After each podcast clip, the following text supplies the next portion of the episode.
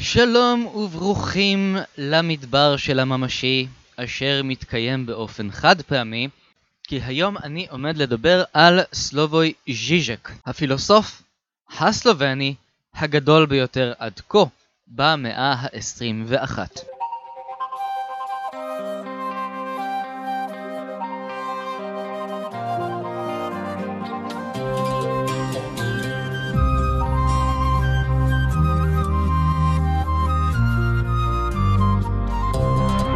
כאמור שלום, וכאמור ברוכים הבאים לעושים רוח. בפרק הקודם דיברתי על קלאסיציזם, מודרניזם, פוסט מודרניזם, וכן קיבלתי על הראש כמו שלא חטפתי בחיים, והחלטתי שאני לעולם לא אעסוק שוב בחקר תרבות או בפילוסופיה. והנה בפרק הזה אני מדבר על חוקר תרבות ופילוסוף וסלובני, הכל מסתדר לי פה איכשהו ביחד, סלובוי ז'יז'ק. שהוא כאמור אה, נחשב להוגה הדעות הגדול ביותר עד כה במאה ה-21 והאיש החשוב ביותר שיצא מסלובניה, כמובן אחרי אה, מילנה טראמפ. וזה פשוט... לא לפודקאסט הזה להתחיל לדבר על ההבדלים המאוד משמעותיים בין מילנה טראמפ לסלובוי ז'יז'ק, שהוא קצת נראה כמו הודור ממשחקי הכס, והוא מדבר בצד כאילו אפקט בדיבור. ועדיין הוא נחשב בתור הסופרסטאר של חקר מדעי הרוח ומדעי התרבות וחקר התרבות, איך שלא הגדירו את זה, בעיתון הגרדיאן. איך זה קורה? אז קודם כל, איך בן אדם שנולד בשנת 1949 נחשב לאחד ההוגי דעות הגדולים במאה ה-21? הוא התחיל כבר... Uh, באמצע שנות ה-80. בסדר, לא הכל יושב כאן, לא הכל מסתדר, והסיכוי שבאמת יקום איזה הוגה דעות רציני בעוד כמה שנים ושוב יזעזע את מערכת uh, חקר התרבות uh, קיים. יש הרבה מאוד uh, טוענים לכתר, אבל אל תשכחו, הבן אדם הגיע מסלובניה, וכמובן שיש לו קדימות שאני אדבר עליו. אז בואו נדבר טיפה על הבן אדם עצמו, היסטוריה. הוא נולד בלובליאנה, עיר הבירה של סלובניה בשנת 1949. שני ההורים שלו היו פקידים. אה, צריך להסביר רגע משהו לגבי אה, סלובניה, זה היה החלק הכי ליברלי, הכי פתוח של איגוסלביה, שהייתה המדינה הקומוניסטית הכי ליברלית והכי פתוחה. יחסית. אז המצב שלו היה סבבה, גם סלובניה המצב שלה היה נהדר, מלחמת הבלקן שהתפצלה למיליון רסיסים שמצביעים אחד לשני באירוויזיון, אה, די פסחה על סלובניה, הייתה שם מלחמה אולי חמישה ימים ואולי מישהו מת גם. או שזה היה מאנגינה. אבל סלובניה לא סבלה, וגם סלובוי לא סבל, וסלובוי הסלובני המשיך את משרתו באוניברסיטת אה, ליובליאנה. דרך אגב, בשנות ה-80, כאשר כל הכבוד לפתיחות העצומה של יוגוסלביה, עדיין היה אסור להכניס אה, סרטים מהמערב, ו- ואם היו מכניסים היו מצנזרים אותם. לסלובוי הייתה גישה לסרטים המקוריים הלא מצונזרים, והוא ככה התחיל לפתח ראייה ביקורתית מאוד מעניינת לגבי המערב. עכשיו, למה מעניין אותנו, אותנו כל כך סלובוי ז'יז'ק? במה הוא עוסק? בקצרה, ואני אתן את זה ממש אה, כדוגמית כותרת משנה, הוא עוסק בכך שהחברה של היום מורכבת מאנשים שיש הבדל עצום בין איך שהם רואים את העולם, בין מה שהם חווים בעולם, בין מה שהם רוצים לבין מה שיש בפועל. ואיך ככל הנראה לעולם אנחנו לא נצליח להשיג את מה שאנחנו רוצים, כי אנחנו רוצים דברים שלא באמת קיימים, דברים שמוכרים לנו אה, וכאלה. ואז מגיע פיגועי ה-11 בספטמבר, ואנחנו בדיוק מקבלים את מה שאנחנו רוצים. כותרת משנה שתחזיק אתכם לפרק הקרוב, נהדר כי אני הולך להיכנס לסקירה היסטורית קצרצרה שתסביר מאין מגיעים לנו הרעיונות של סלובוי ז'יז'ק.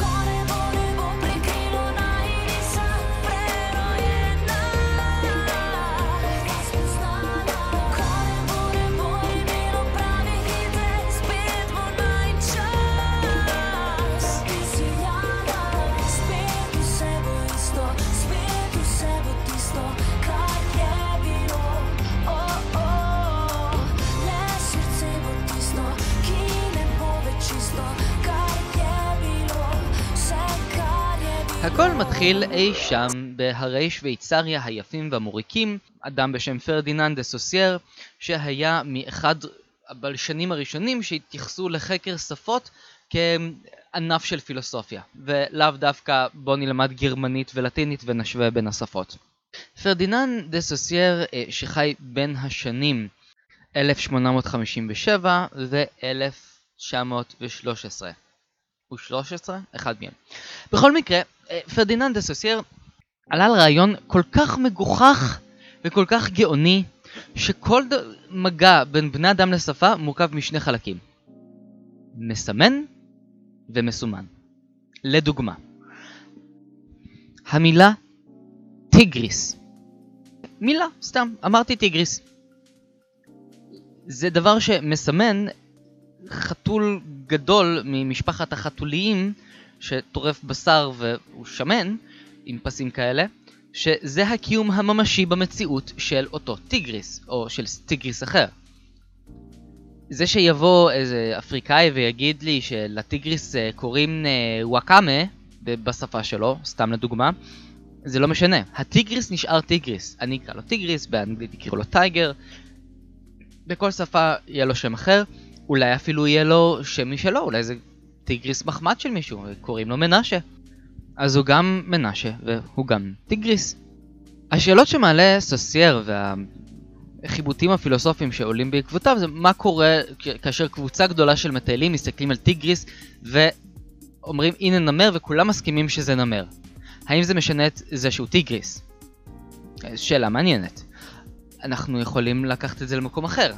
אני סתם הבוקר אמרתי למנהלת שלי במשרד שחייבים לקנות uh, מלא בורקסים מכל הסוגים לאורחים שהגיעו. התכוונתי לבורקסים תפוח אדמה וטרד ופטריות וגם... והיא כמובן הבינה שצריך להביא קרואסונים ורוגלחים, אז איך המושג הזה בורקס שמתייחס לאיזה משולש עם גבינה או תפוח אדמה בפנים, הופך להיות למגוון שלם של פיליסים ועניינים מתוקים אחרים. כלומר, יש לנו פה פיתוח של המושג של מסמן ומסומן, אני דיברתי על דבר אחד והיא ישר הסיקה שמדובר גם בדבר אחר. העניין אפילו עוד יותר מסתבך, ואנחנו עדיין מדברים על דה סוסייר השוויצרי, מה לגבי מושגים כמו אהבה. אני יכול להגדיר מה זה? מישהו אחר יוכל להגדיר מה זה? היום המלחמות הגדולות ביותר בעולם, מלחמות למען הדמוקרטיה, מלחמות נגד הטרור, האם יש שני אנשים בעולם שיכולים להגיד במדויק מה זו דמוקרטיה ומה זה טרור, ואם לא אז איך יוצאים ונלחמים על משהו שאנחנו אפילו לא יכולים להסכים על המהות שלו? עד כאן מגיע דה סוסייר. על סמך הדברים האלה אה, מגיע ז'אק לקאן, שהוא צרפתי אחר שנולד בשנת 1901 ונפטר בשנת 1981. והוא אמר דבר עוד יותר מעניין. בוא ניקח את הרעיונות של דה סוסייר, בוא ניקח את הפסיכואנליזה של פרויד ונחבר אותן ביחד. הכל מתחיל כאשר התינוק נמצא בלול כשהוא רק נולד, ואין שום הבדל בין הדברים שהוא רוצה לבין הדברים שהוא מקבל. בוכה קקי, מחליפים לו חיתול. הוא בוכה רעב, נותנים לו אוכל. הוא בוכה על הידיים, נותנים לו להיות על הידיים. הוא בוכה תשכיב אותי לישון, הוא הולך לישון. הוא לא צריך יותר מדי כדי לקבל את מה שהוא צריך, וזה מה שנקרא השלב הממשי. הבעיה מתחילה כאשר הילד מתחיל לדבר, להבין שיש כל מיני מושגים, ולהתחיל להבין שיש פער בין הדברים שאני רוצה לבין דברים שקיימים במציאות. כך מתחיל השלב המדומיין, כאשר הילד עד גיל שנתיים מסתכל במראה ומבין שזה הוא, אבל זה לא הוא. כלומר, הוא פה בטוח, אבל הוא גם הילד במראה. אז איך הוא יכול להיות קיים בשני מקומות בו זמנית? אז מתחיל להבין שישנם דברים שהקיום שלהם הוא יותר רחב מכפי שאנחנו נוטים להגדיר אותו. או כמו למשל ילד שמסתכל על עץ בגינה שלו ורואה עץ בגן שלו ומבין ששניהם זה עץ, אבל זה לא אותו עץ. מעבר לכך, הילד גם לומד לדבר מהמבוגרים, ויש להם סמכות לתת שמות והגדרות לחפצים ולדברים, וכאשר הילד רוצה משהו ספציפי, אז לא תמיד המבוגר יבין אותו, והוא לא תמיד יצליח להסביר את עצמו. טוב, אז זה השלב המדומה עד כה. הילד מנסה להבין את העולם ולא תמיד מצליח. השלב הבא זה השלב הסימבולי. אה, מתחיל להיות עוד יותר בעייתי. עכשיו, לפעמים קורה שילד יגיד, אה, אני רוצה סוכריה, והילד יתכוון לסוכריות טופי הכיפית שהדודה הביאה אתמול, והמבוגר יביא לו סוכריה על מקל.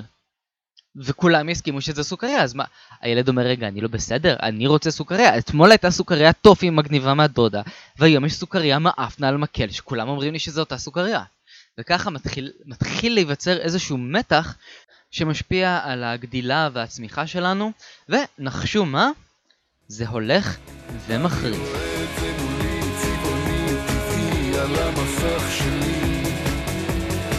אני רוצה להיות שם, אני רוצה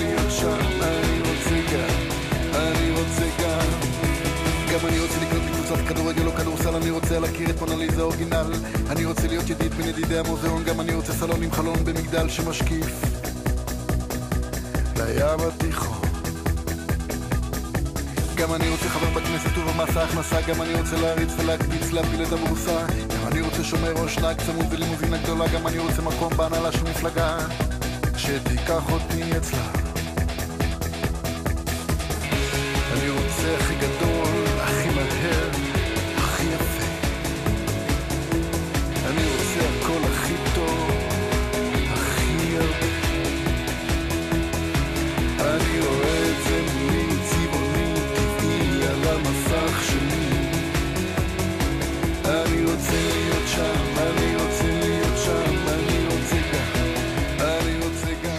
סלווי ז'יז'יק אומר שכל הרצון שלנו בערך בחיים האלה זה לחזור אל הממשי. אל המקום שבו יש מתאם מוחלט בין הדברים שאותם אנחנו רוצים לא, לעומת הדברים שאנחנו מקבלים. בפועל מה שקורה זה שהממשי זה החור של הבייגלה שמסביבו יש את הבייגלה ואי אפשר להרגיש אותו, הוא בלתי אפשרי, אי אפשר לדבר אותו, אפשר לדבר רק מסביבו, אי אפשר לבטא אותו במילים. זה הטראומטי, זה הפצע שאי אפשר לגרד, זה האוצר בקצה הקשת בענן, זה הדבר שאפשר להתווכח עליו במשך שנים מבלי שאף אחד יגיע להסכמה. זה החוסר, ההיעדר, החתיכה החסרה, האי שקט.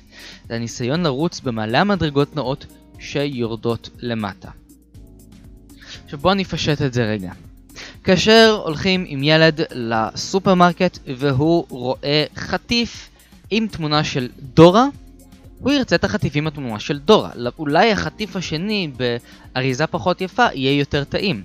אבל החוויה של החטיף עם האריזה של דורה זה הרבה יותר כיפי. עכשיו, הילד באמת מקבל חוויית דורה כשהוא אוכל את החטיף? לא. הוא מתלהב מעטיפה. זה נותן לו הרגשה מסוימת. האם יש מתאם? לא בדיוק. האם כשאנחנו שותים אה, משקה מוגז שעושה חורים בשיניים שהוא בצבע שחור ורק שלושה אנשים יודעים ממה מרכיבים אותו כי אני לא עושה פה פרסומות האם אנחנו באמת מרגישים את טעם החיים, את הקרקע קרח, האם באמת חווים את uh, הדוגמניות והפרסומות והזרנוקי מים באמצע הרחוב או שזה פשוט מיץ עם טעם טעים שבא לנו לשתות אותו עוד ועוד. כל מי שלומד פרסום 5 דקות יודע שאנשים לא קונים מוצר אלא הם קונים חוויה. השאלה אם באמת הם מצליחים לממש את החוויה הזו? התשובה היא ממש לא, לפי לקאן.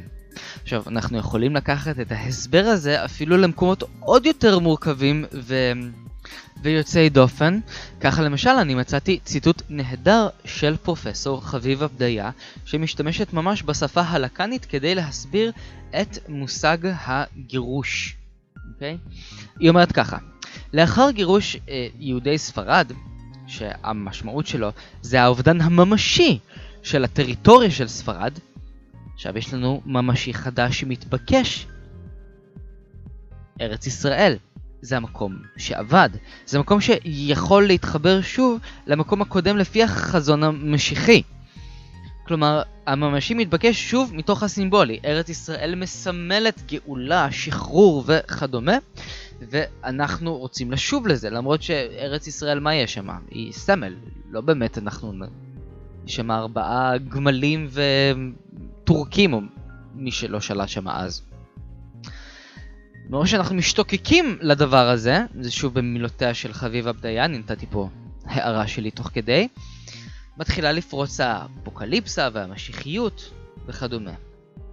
עכשיו אני אתן ש... עוד ציטוט שלה. היא אומרת שהממשי הוא כאמור ארץ ישראל, זו שהומרה לאורך השנים ב... בסימול שלה, כי אז התשוקה אל הממשי, בלשון של סלבוי ז'יז'ק, היא התשוקה של ה... מה שהוא מגדיר Ding. הדבר הספציפי שאני יכול לשים עליו את היד שלי. הבלתי אפשרי, החמקמק שמעבר לכל אפשרות שניתן לסמל. מכיוון שאי אפשר לחזור לממשי, להחזיק ביד את ארץ ישראל, להגיע לארץ ישראל שהיא תהיה בדיוק האוטופיה שאנחנו חלמנו עליה, שהיא זבת חלב ודבש וכדומה. יש לנו פה עניין של אה, טראומה שאופפת אותנו. הממשי הוא מושא של מועקה, שכל ניסיון לפגוש בו נידון להחמצה, ולכן הוא הופך גם לטראומה. כי אני כל החיים שלי נחשפתי והתעוויתי, ואבות אבותיי אמרו לשנה הבאה בירושלים הבנויה, ובירושלים מתפוצצים אוטובוסים. אז אי אפשר לחיות באוטופיה, אוקיי? העניין הוא שאנחנו כולנו מנסים לחיות שם, ולא פעם אנחנו מוצאים uh, סיפורים על אנשים ששולחים מכתבי מריצים לדמויות בדויות שהם ראו באופרות סבון, ואפילו לפעמים הם מבקשים מהם כל מיני עצות. אנחנו כולנו בעצמנו, אנחנו מושפעים מדוגמנים בעיתונים ובטלוויזיה, שאנחנו אומרים, הנה ככה אני צריך לראות, למרות שאנחנו יודעים שהדוגמנים האלה מרוטשים בפוטושופ. אנחנו כמהים ורוצים אה, להיות כמו משהו שלא באמת קיים. כמו מישהי שעכשיו הגדילו לה את העיניים שהיא תראה כמו בובה יפנית. כלומר, יש לנו תמיד את הרצון לחזור לתוך המשבצת הריקה. אנחנו בטוחים שהדבר הזה ימלא את החתיכה החסרה שקיימת בנו,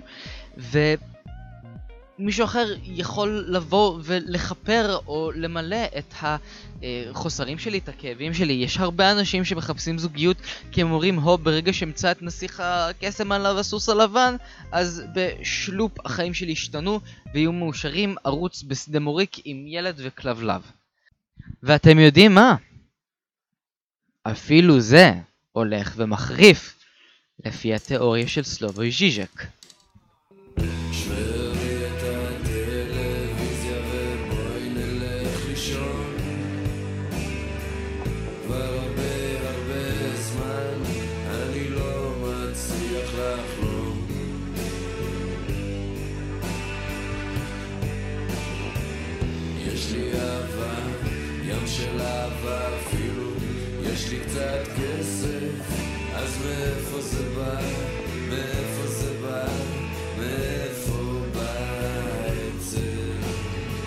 אז עד כה אנחנו דיברנו על הדברים שאנחנו רוצים להשיג, הדברים שאנחנו לא מסוגלים להשיג, ועכשיו אנחנו נדבר על האופן שבו המציאות שלנו במאה ה-21 הולכת ומחריפה עוד כמה צעדים קדימה.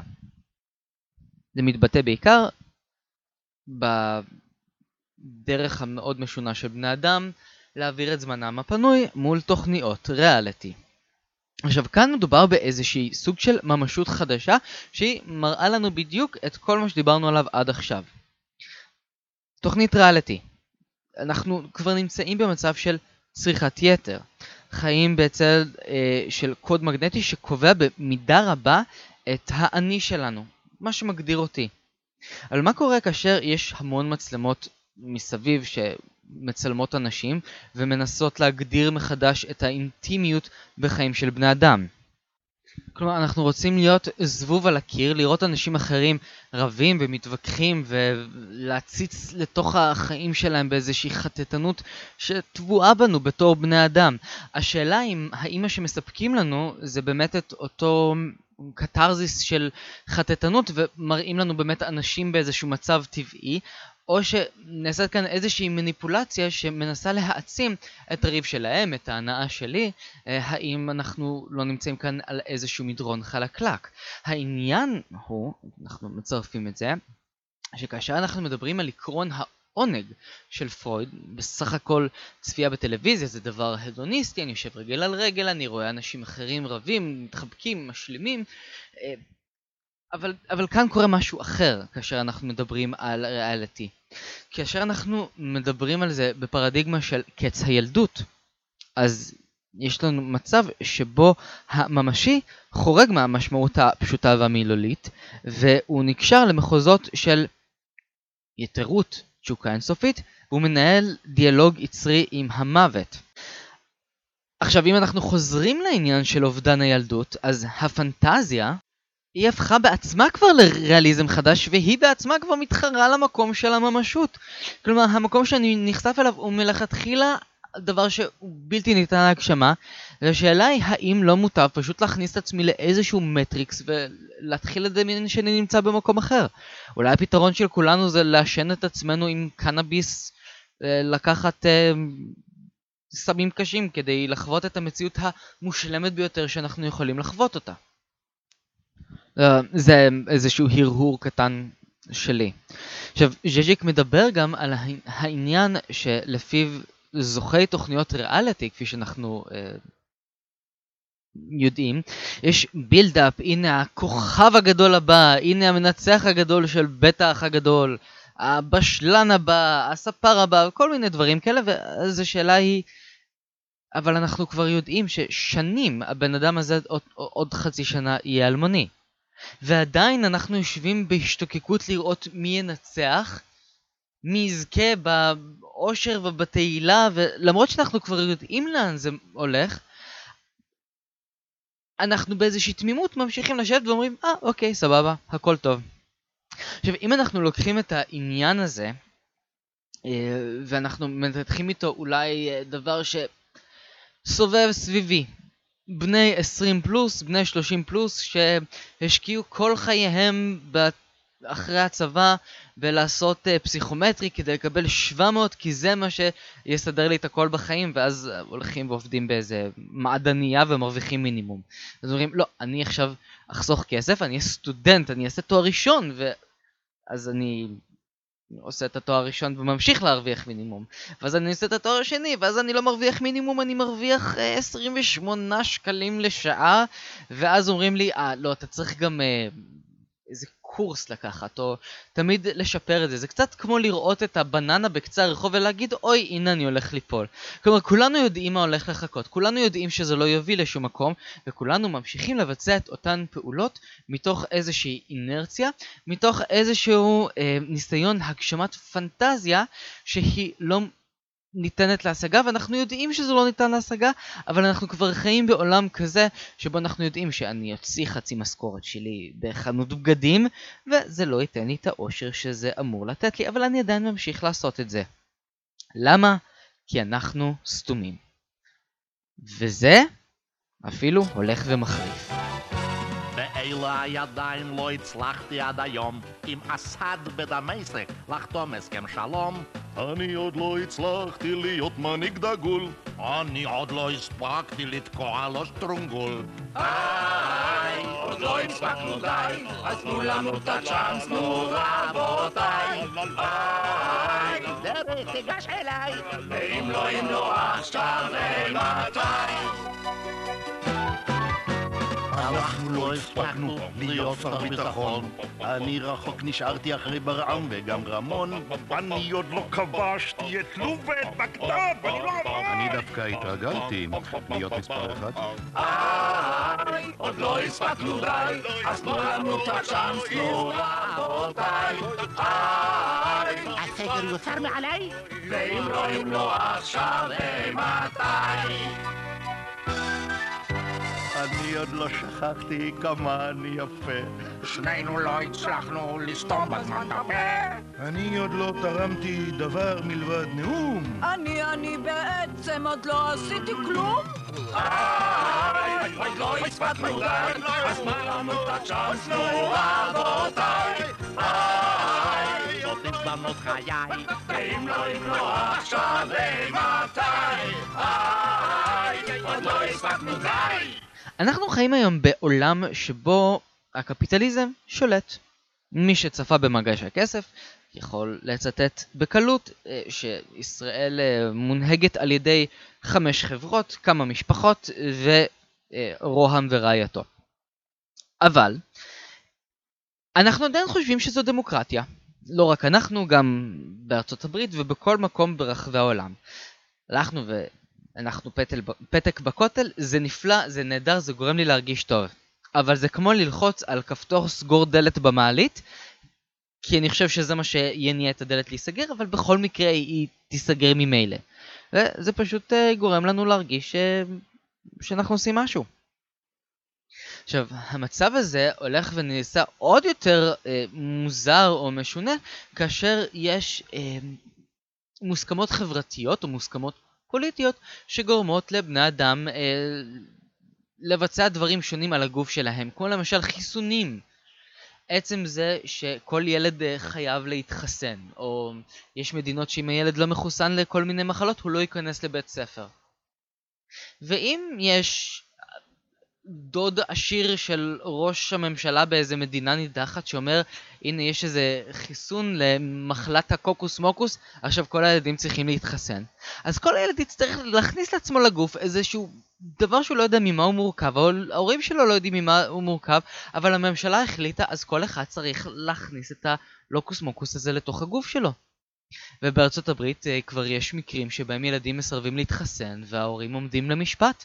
כלומר, יש לריבונות uh, איזה זכות על גופו של הפרט והיחיד בחברה. Uh, אותו דבר עם דתות מסוימות, עם נגיד ברית מילה.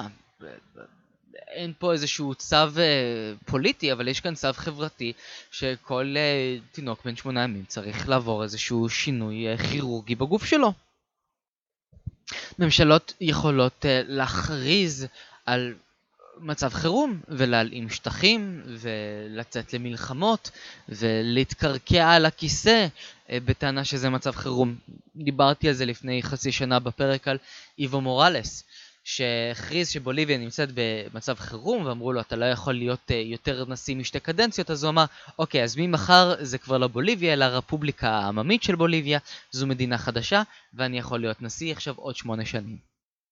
אז יש אה, לפוליטיקה איזושהי דרך שמנצלת את המקום הפנטזיונרי הזה שאנחנו נמצאים בו ואנחנו סומכים על הפוליטיקאים ואנחנו יודעים שאין אף אחד שיגן עלינו מלבד המשטרה וכדומה, אבל זה, זו הדרך לשלוט באנשים. הבעיה היא שלפי ז'יז'ק זה אפילו הולך ונעשה עוד יותר גרוע. כמה יותר גרוע? יותר גרוע במובן כזה שאנחנו לעולם לא נצליח להשיג את החוויה המושלמת מהקולה, ואנחנו לעולם לא נצליח להשיג את ה... רגע זכייה המתוק של הזוכה בריאליטי ואנחנו לעולם לא נצליח להרגיש מוגנים ובטוחים על ידי המשטרה אם אנחנו חיים בשכונת שפירא כמוני אבל יש דבר אחד שיגרום לכולנו לסיפוק, לתחושה הנפלאה והמלאה שתמלא ותיתן לנו משמעות ותקרב אותנו לממשות שאנחנו כל כך כמהים אליה וזה מתקפות טרור. I love this feeling. To know I'm not dreaming. Tonight we're together, you know. It's a must. It's a must. It will be a blast. Eurovision is cool. When you come from Mosul. Where is the airport? It's there. Where are you flying? Nowhere.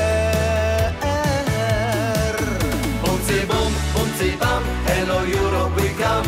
We've been waiting for a thousand years. We are coming to you. Berlin, London, Paris, and Estonia, wherever it is. Boomsy boom, say hello to Islam. Come on, let the party begin. Wave with our flag, unless you're a fag. Then we have a cage for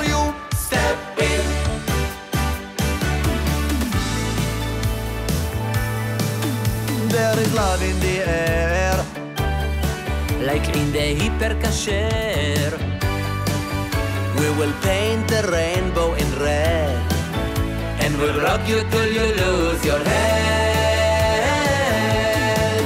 Boomsy boom, boomsy bum, hello Europe we come, and you'll give us your 12 points, please. If we don't get the dues, malta هل lose, We give the stage to Aziz לפני שאני אכנס באמת לפינות האפלות יותר בחקר התרבות לפי סלובי ז'יז'ק, אני אתאר סיטואציה קטנה.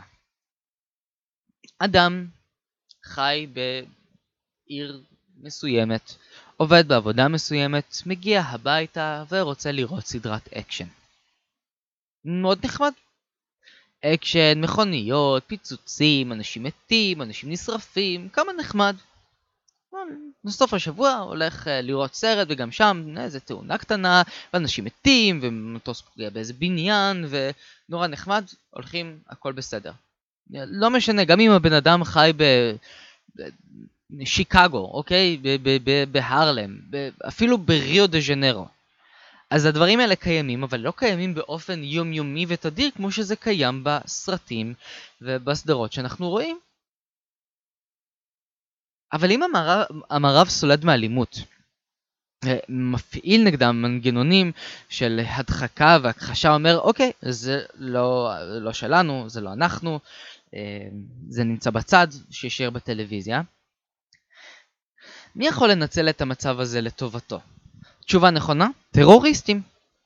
כלומר, באמצעות הטרור, ובעיקר מה שעושים בשנים האחרונות אה, בדאעש למשל, טוענים שאם המערב מתקשה לעמוד מול החוויות של המוות והבוטות וכדומה, והוא ממשיך לשקוע בפולחן של הנעורים הנצחים, בוא נציב מולו את הדיוקן המאיים של המוות ונקרין את ההוצאות להורג התיאטרליות, אנשים נשרפים ודברים איומים, וכך נביא אותו למצוקה רגשית ופילוסופית, מכיוון שעכשיו אין לו את הכלים הנפשיים להכיל את אותם מראות.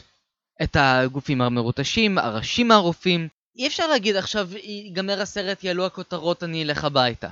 הדבר הזה קיים במציאות, ובעצם זה אנחנו נחשוף את ערוותו של המערב נגד הרכרוכיות שלו, במרכאות. מצטט את ז'יז'ק, אוקיי?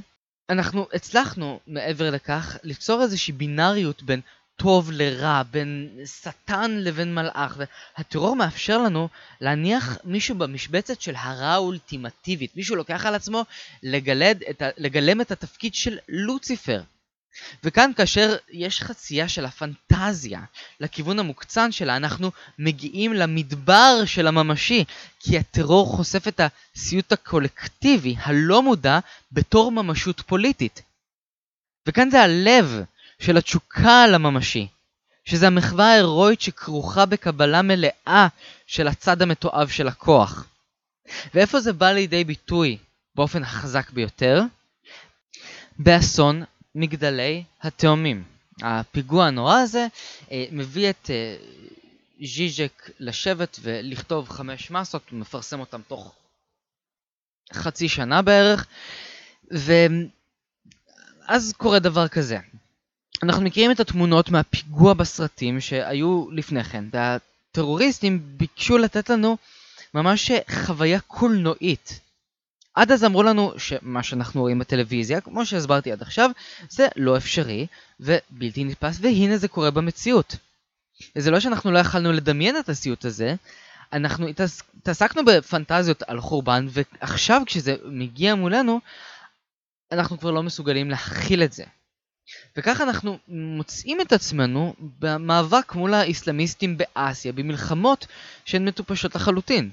כי האמריקאים כל כך עשירים ומבזבזים כל כך הרבה כסף, הם הוציאו מיליארדים בלי לחשוב תוך כמה חודשים למלחמה מול פישרים שחיים בתוך מערות. ואין כאן סימטריה, ואמריקאים השקיעו כל כך הרבה חיילים ומוות. כמה אנשים נרצחו במגדלי התאומים וכמה חיילים מתו אחר כך במלחמה שפרצה בעקבות אה, הפיגוע במגדלי התאומים. זה היה פיגוע שהציגו אותו כל כך הרבה פעמים, פעם אחרי פעם בטלוויזיה, כל הזמן אה, חזרו הצילומים של המטוס שנכנס לתוך הבניין. אני זוכר שאני ראיתי את זה בחדר הכושר כשהלכתי על ההליכון, כמובן שבאיזשהו שלב פשוט כולם עמדו דוממים ופעורי פה מול המסכים ו... בנוסף לכך, ז'ז'ק אומר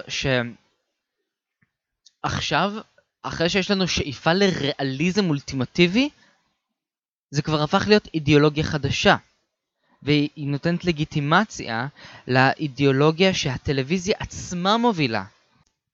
נוצר רוע חדש, נוצר משהו שהוא כל כך טהור ברשעות שלו, שמצריך אותנו להיערך מחדש, ואנחנו מרגישים באיזשהו מקום מנותקים ומנוכרים מול חוויה כזו שהיא כל כך מעצימה ומפעימה. כי זה נוגע בדיוק במקום, בדיוק בבקבוק קולה הזה שאי אפשר להשיג אותו. בדיוק באסון הזה שתמיד רואים אותו בטלוויזיה והוא פעם לא יכול להתרחש, והנה עכשיו הוא מתרחש. זאת הפעם הראשונה שהדבר שאנחנו כל כך מולעטים בו וכל כך אה, חווים אותו בכל מקום, הוא מתקיים באופן הממשי. נוצרה הגשמה של האפוקליפסה שהייתה אמצעי בידורי במשך כל כך הרבה זמן. וכך מצאנו את עצמנו עומדים בלב ליבו של הישימון של המדבר של הממשי, ומאז זה רק הולך ומחריף, וז'יז'ק ממשיך לכתוב על הדברים האיומים שאותם אנחנו עוברים בחיינו. עד כאן אה, עושים רוח להפעם, אה, אל תיקחו את זה קשה מדי, לא כל סלובני אה, מצליח לדכא את כולם, אלא אם כן הוא שר את השיר של סלובניה ב-98 באירוויזיון. אה, חברים, תודה רבה לכם. אה, אמרתי עוד פעם אירוויזיון פעמיים בפרק. אה, תעשו לי לייק בפייסבוק, כי אני חמוד, ותיכנסו לעמוד יוטיוב שלי, ותעשו subscribe למלא דברים, ותפיצו את הפודקאסט. ובקרוב אתם עוד פעם תראו אותי איפשהו באיזה שעשועון בטלוויזיה. ותמשיכו לעשות הרבה הרבה רוח, ואני אנסה לחשוב על נושא לא פילוסופי או כן פילוסופי לפעם הבאה. תודה רבה, תמשיכו לעשות אה, רוח ולהאזין לפודקאסטים מגניבים. להתראות.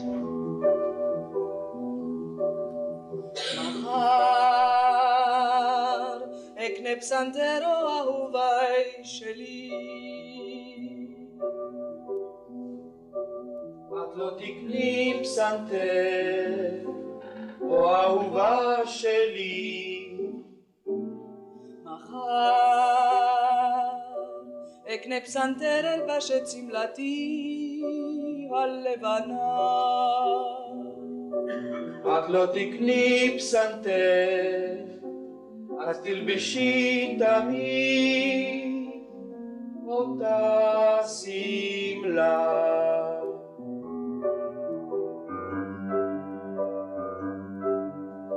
ובין ארבעים. עם אור השמש השוקעת בשערי אשב ואנגן לכם או אהוביי שלי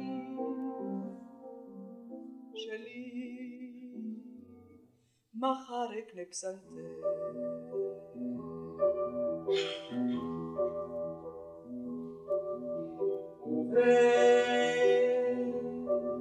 ארבעים. שיעזבו אותך קרניים אחרונות. חיוך עצוב יהיה לך או אהובה שלי. שלי. את לא תקני פסנתר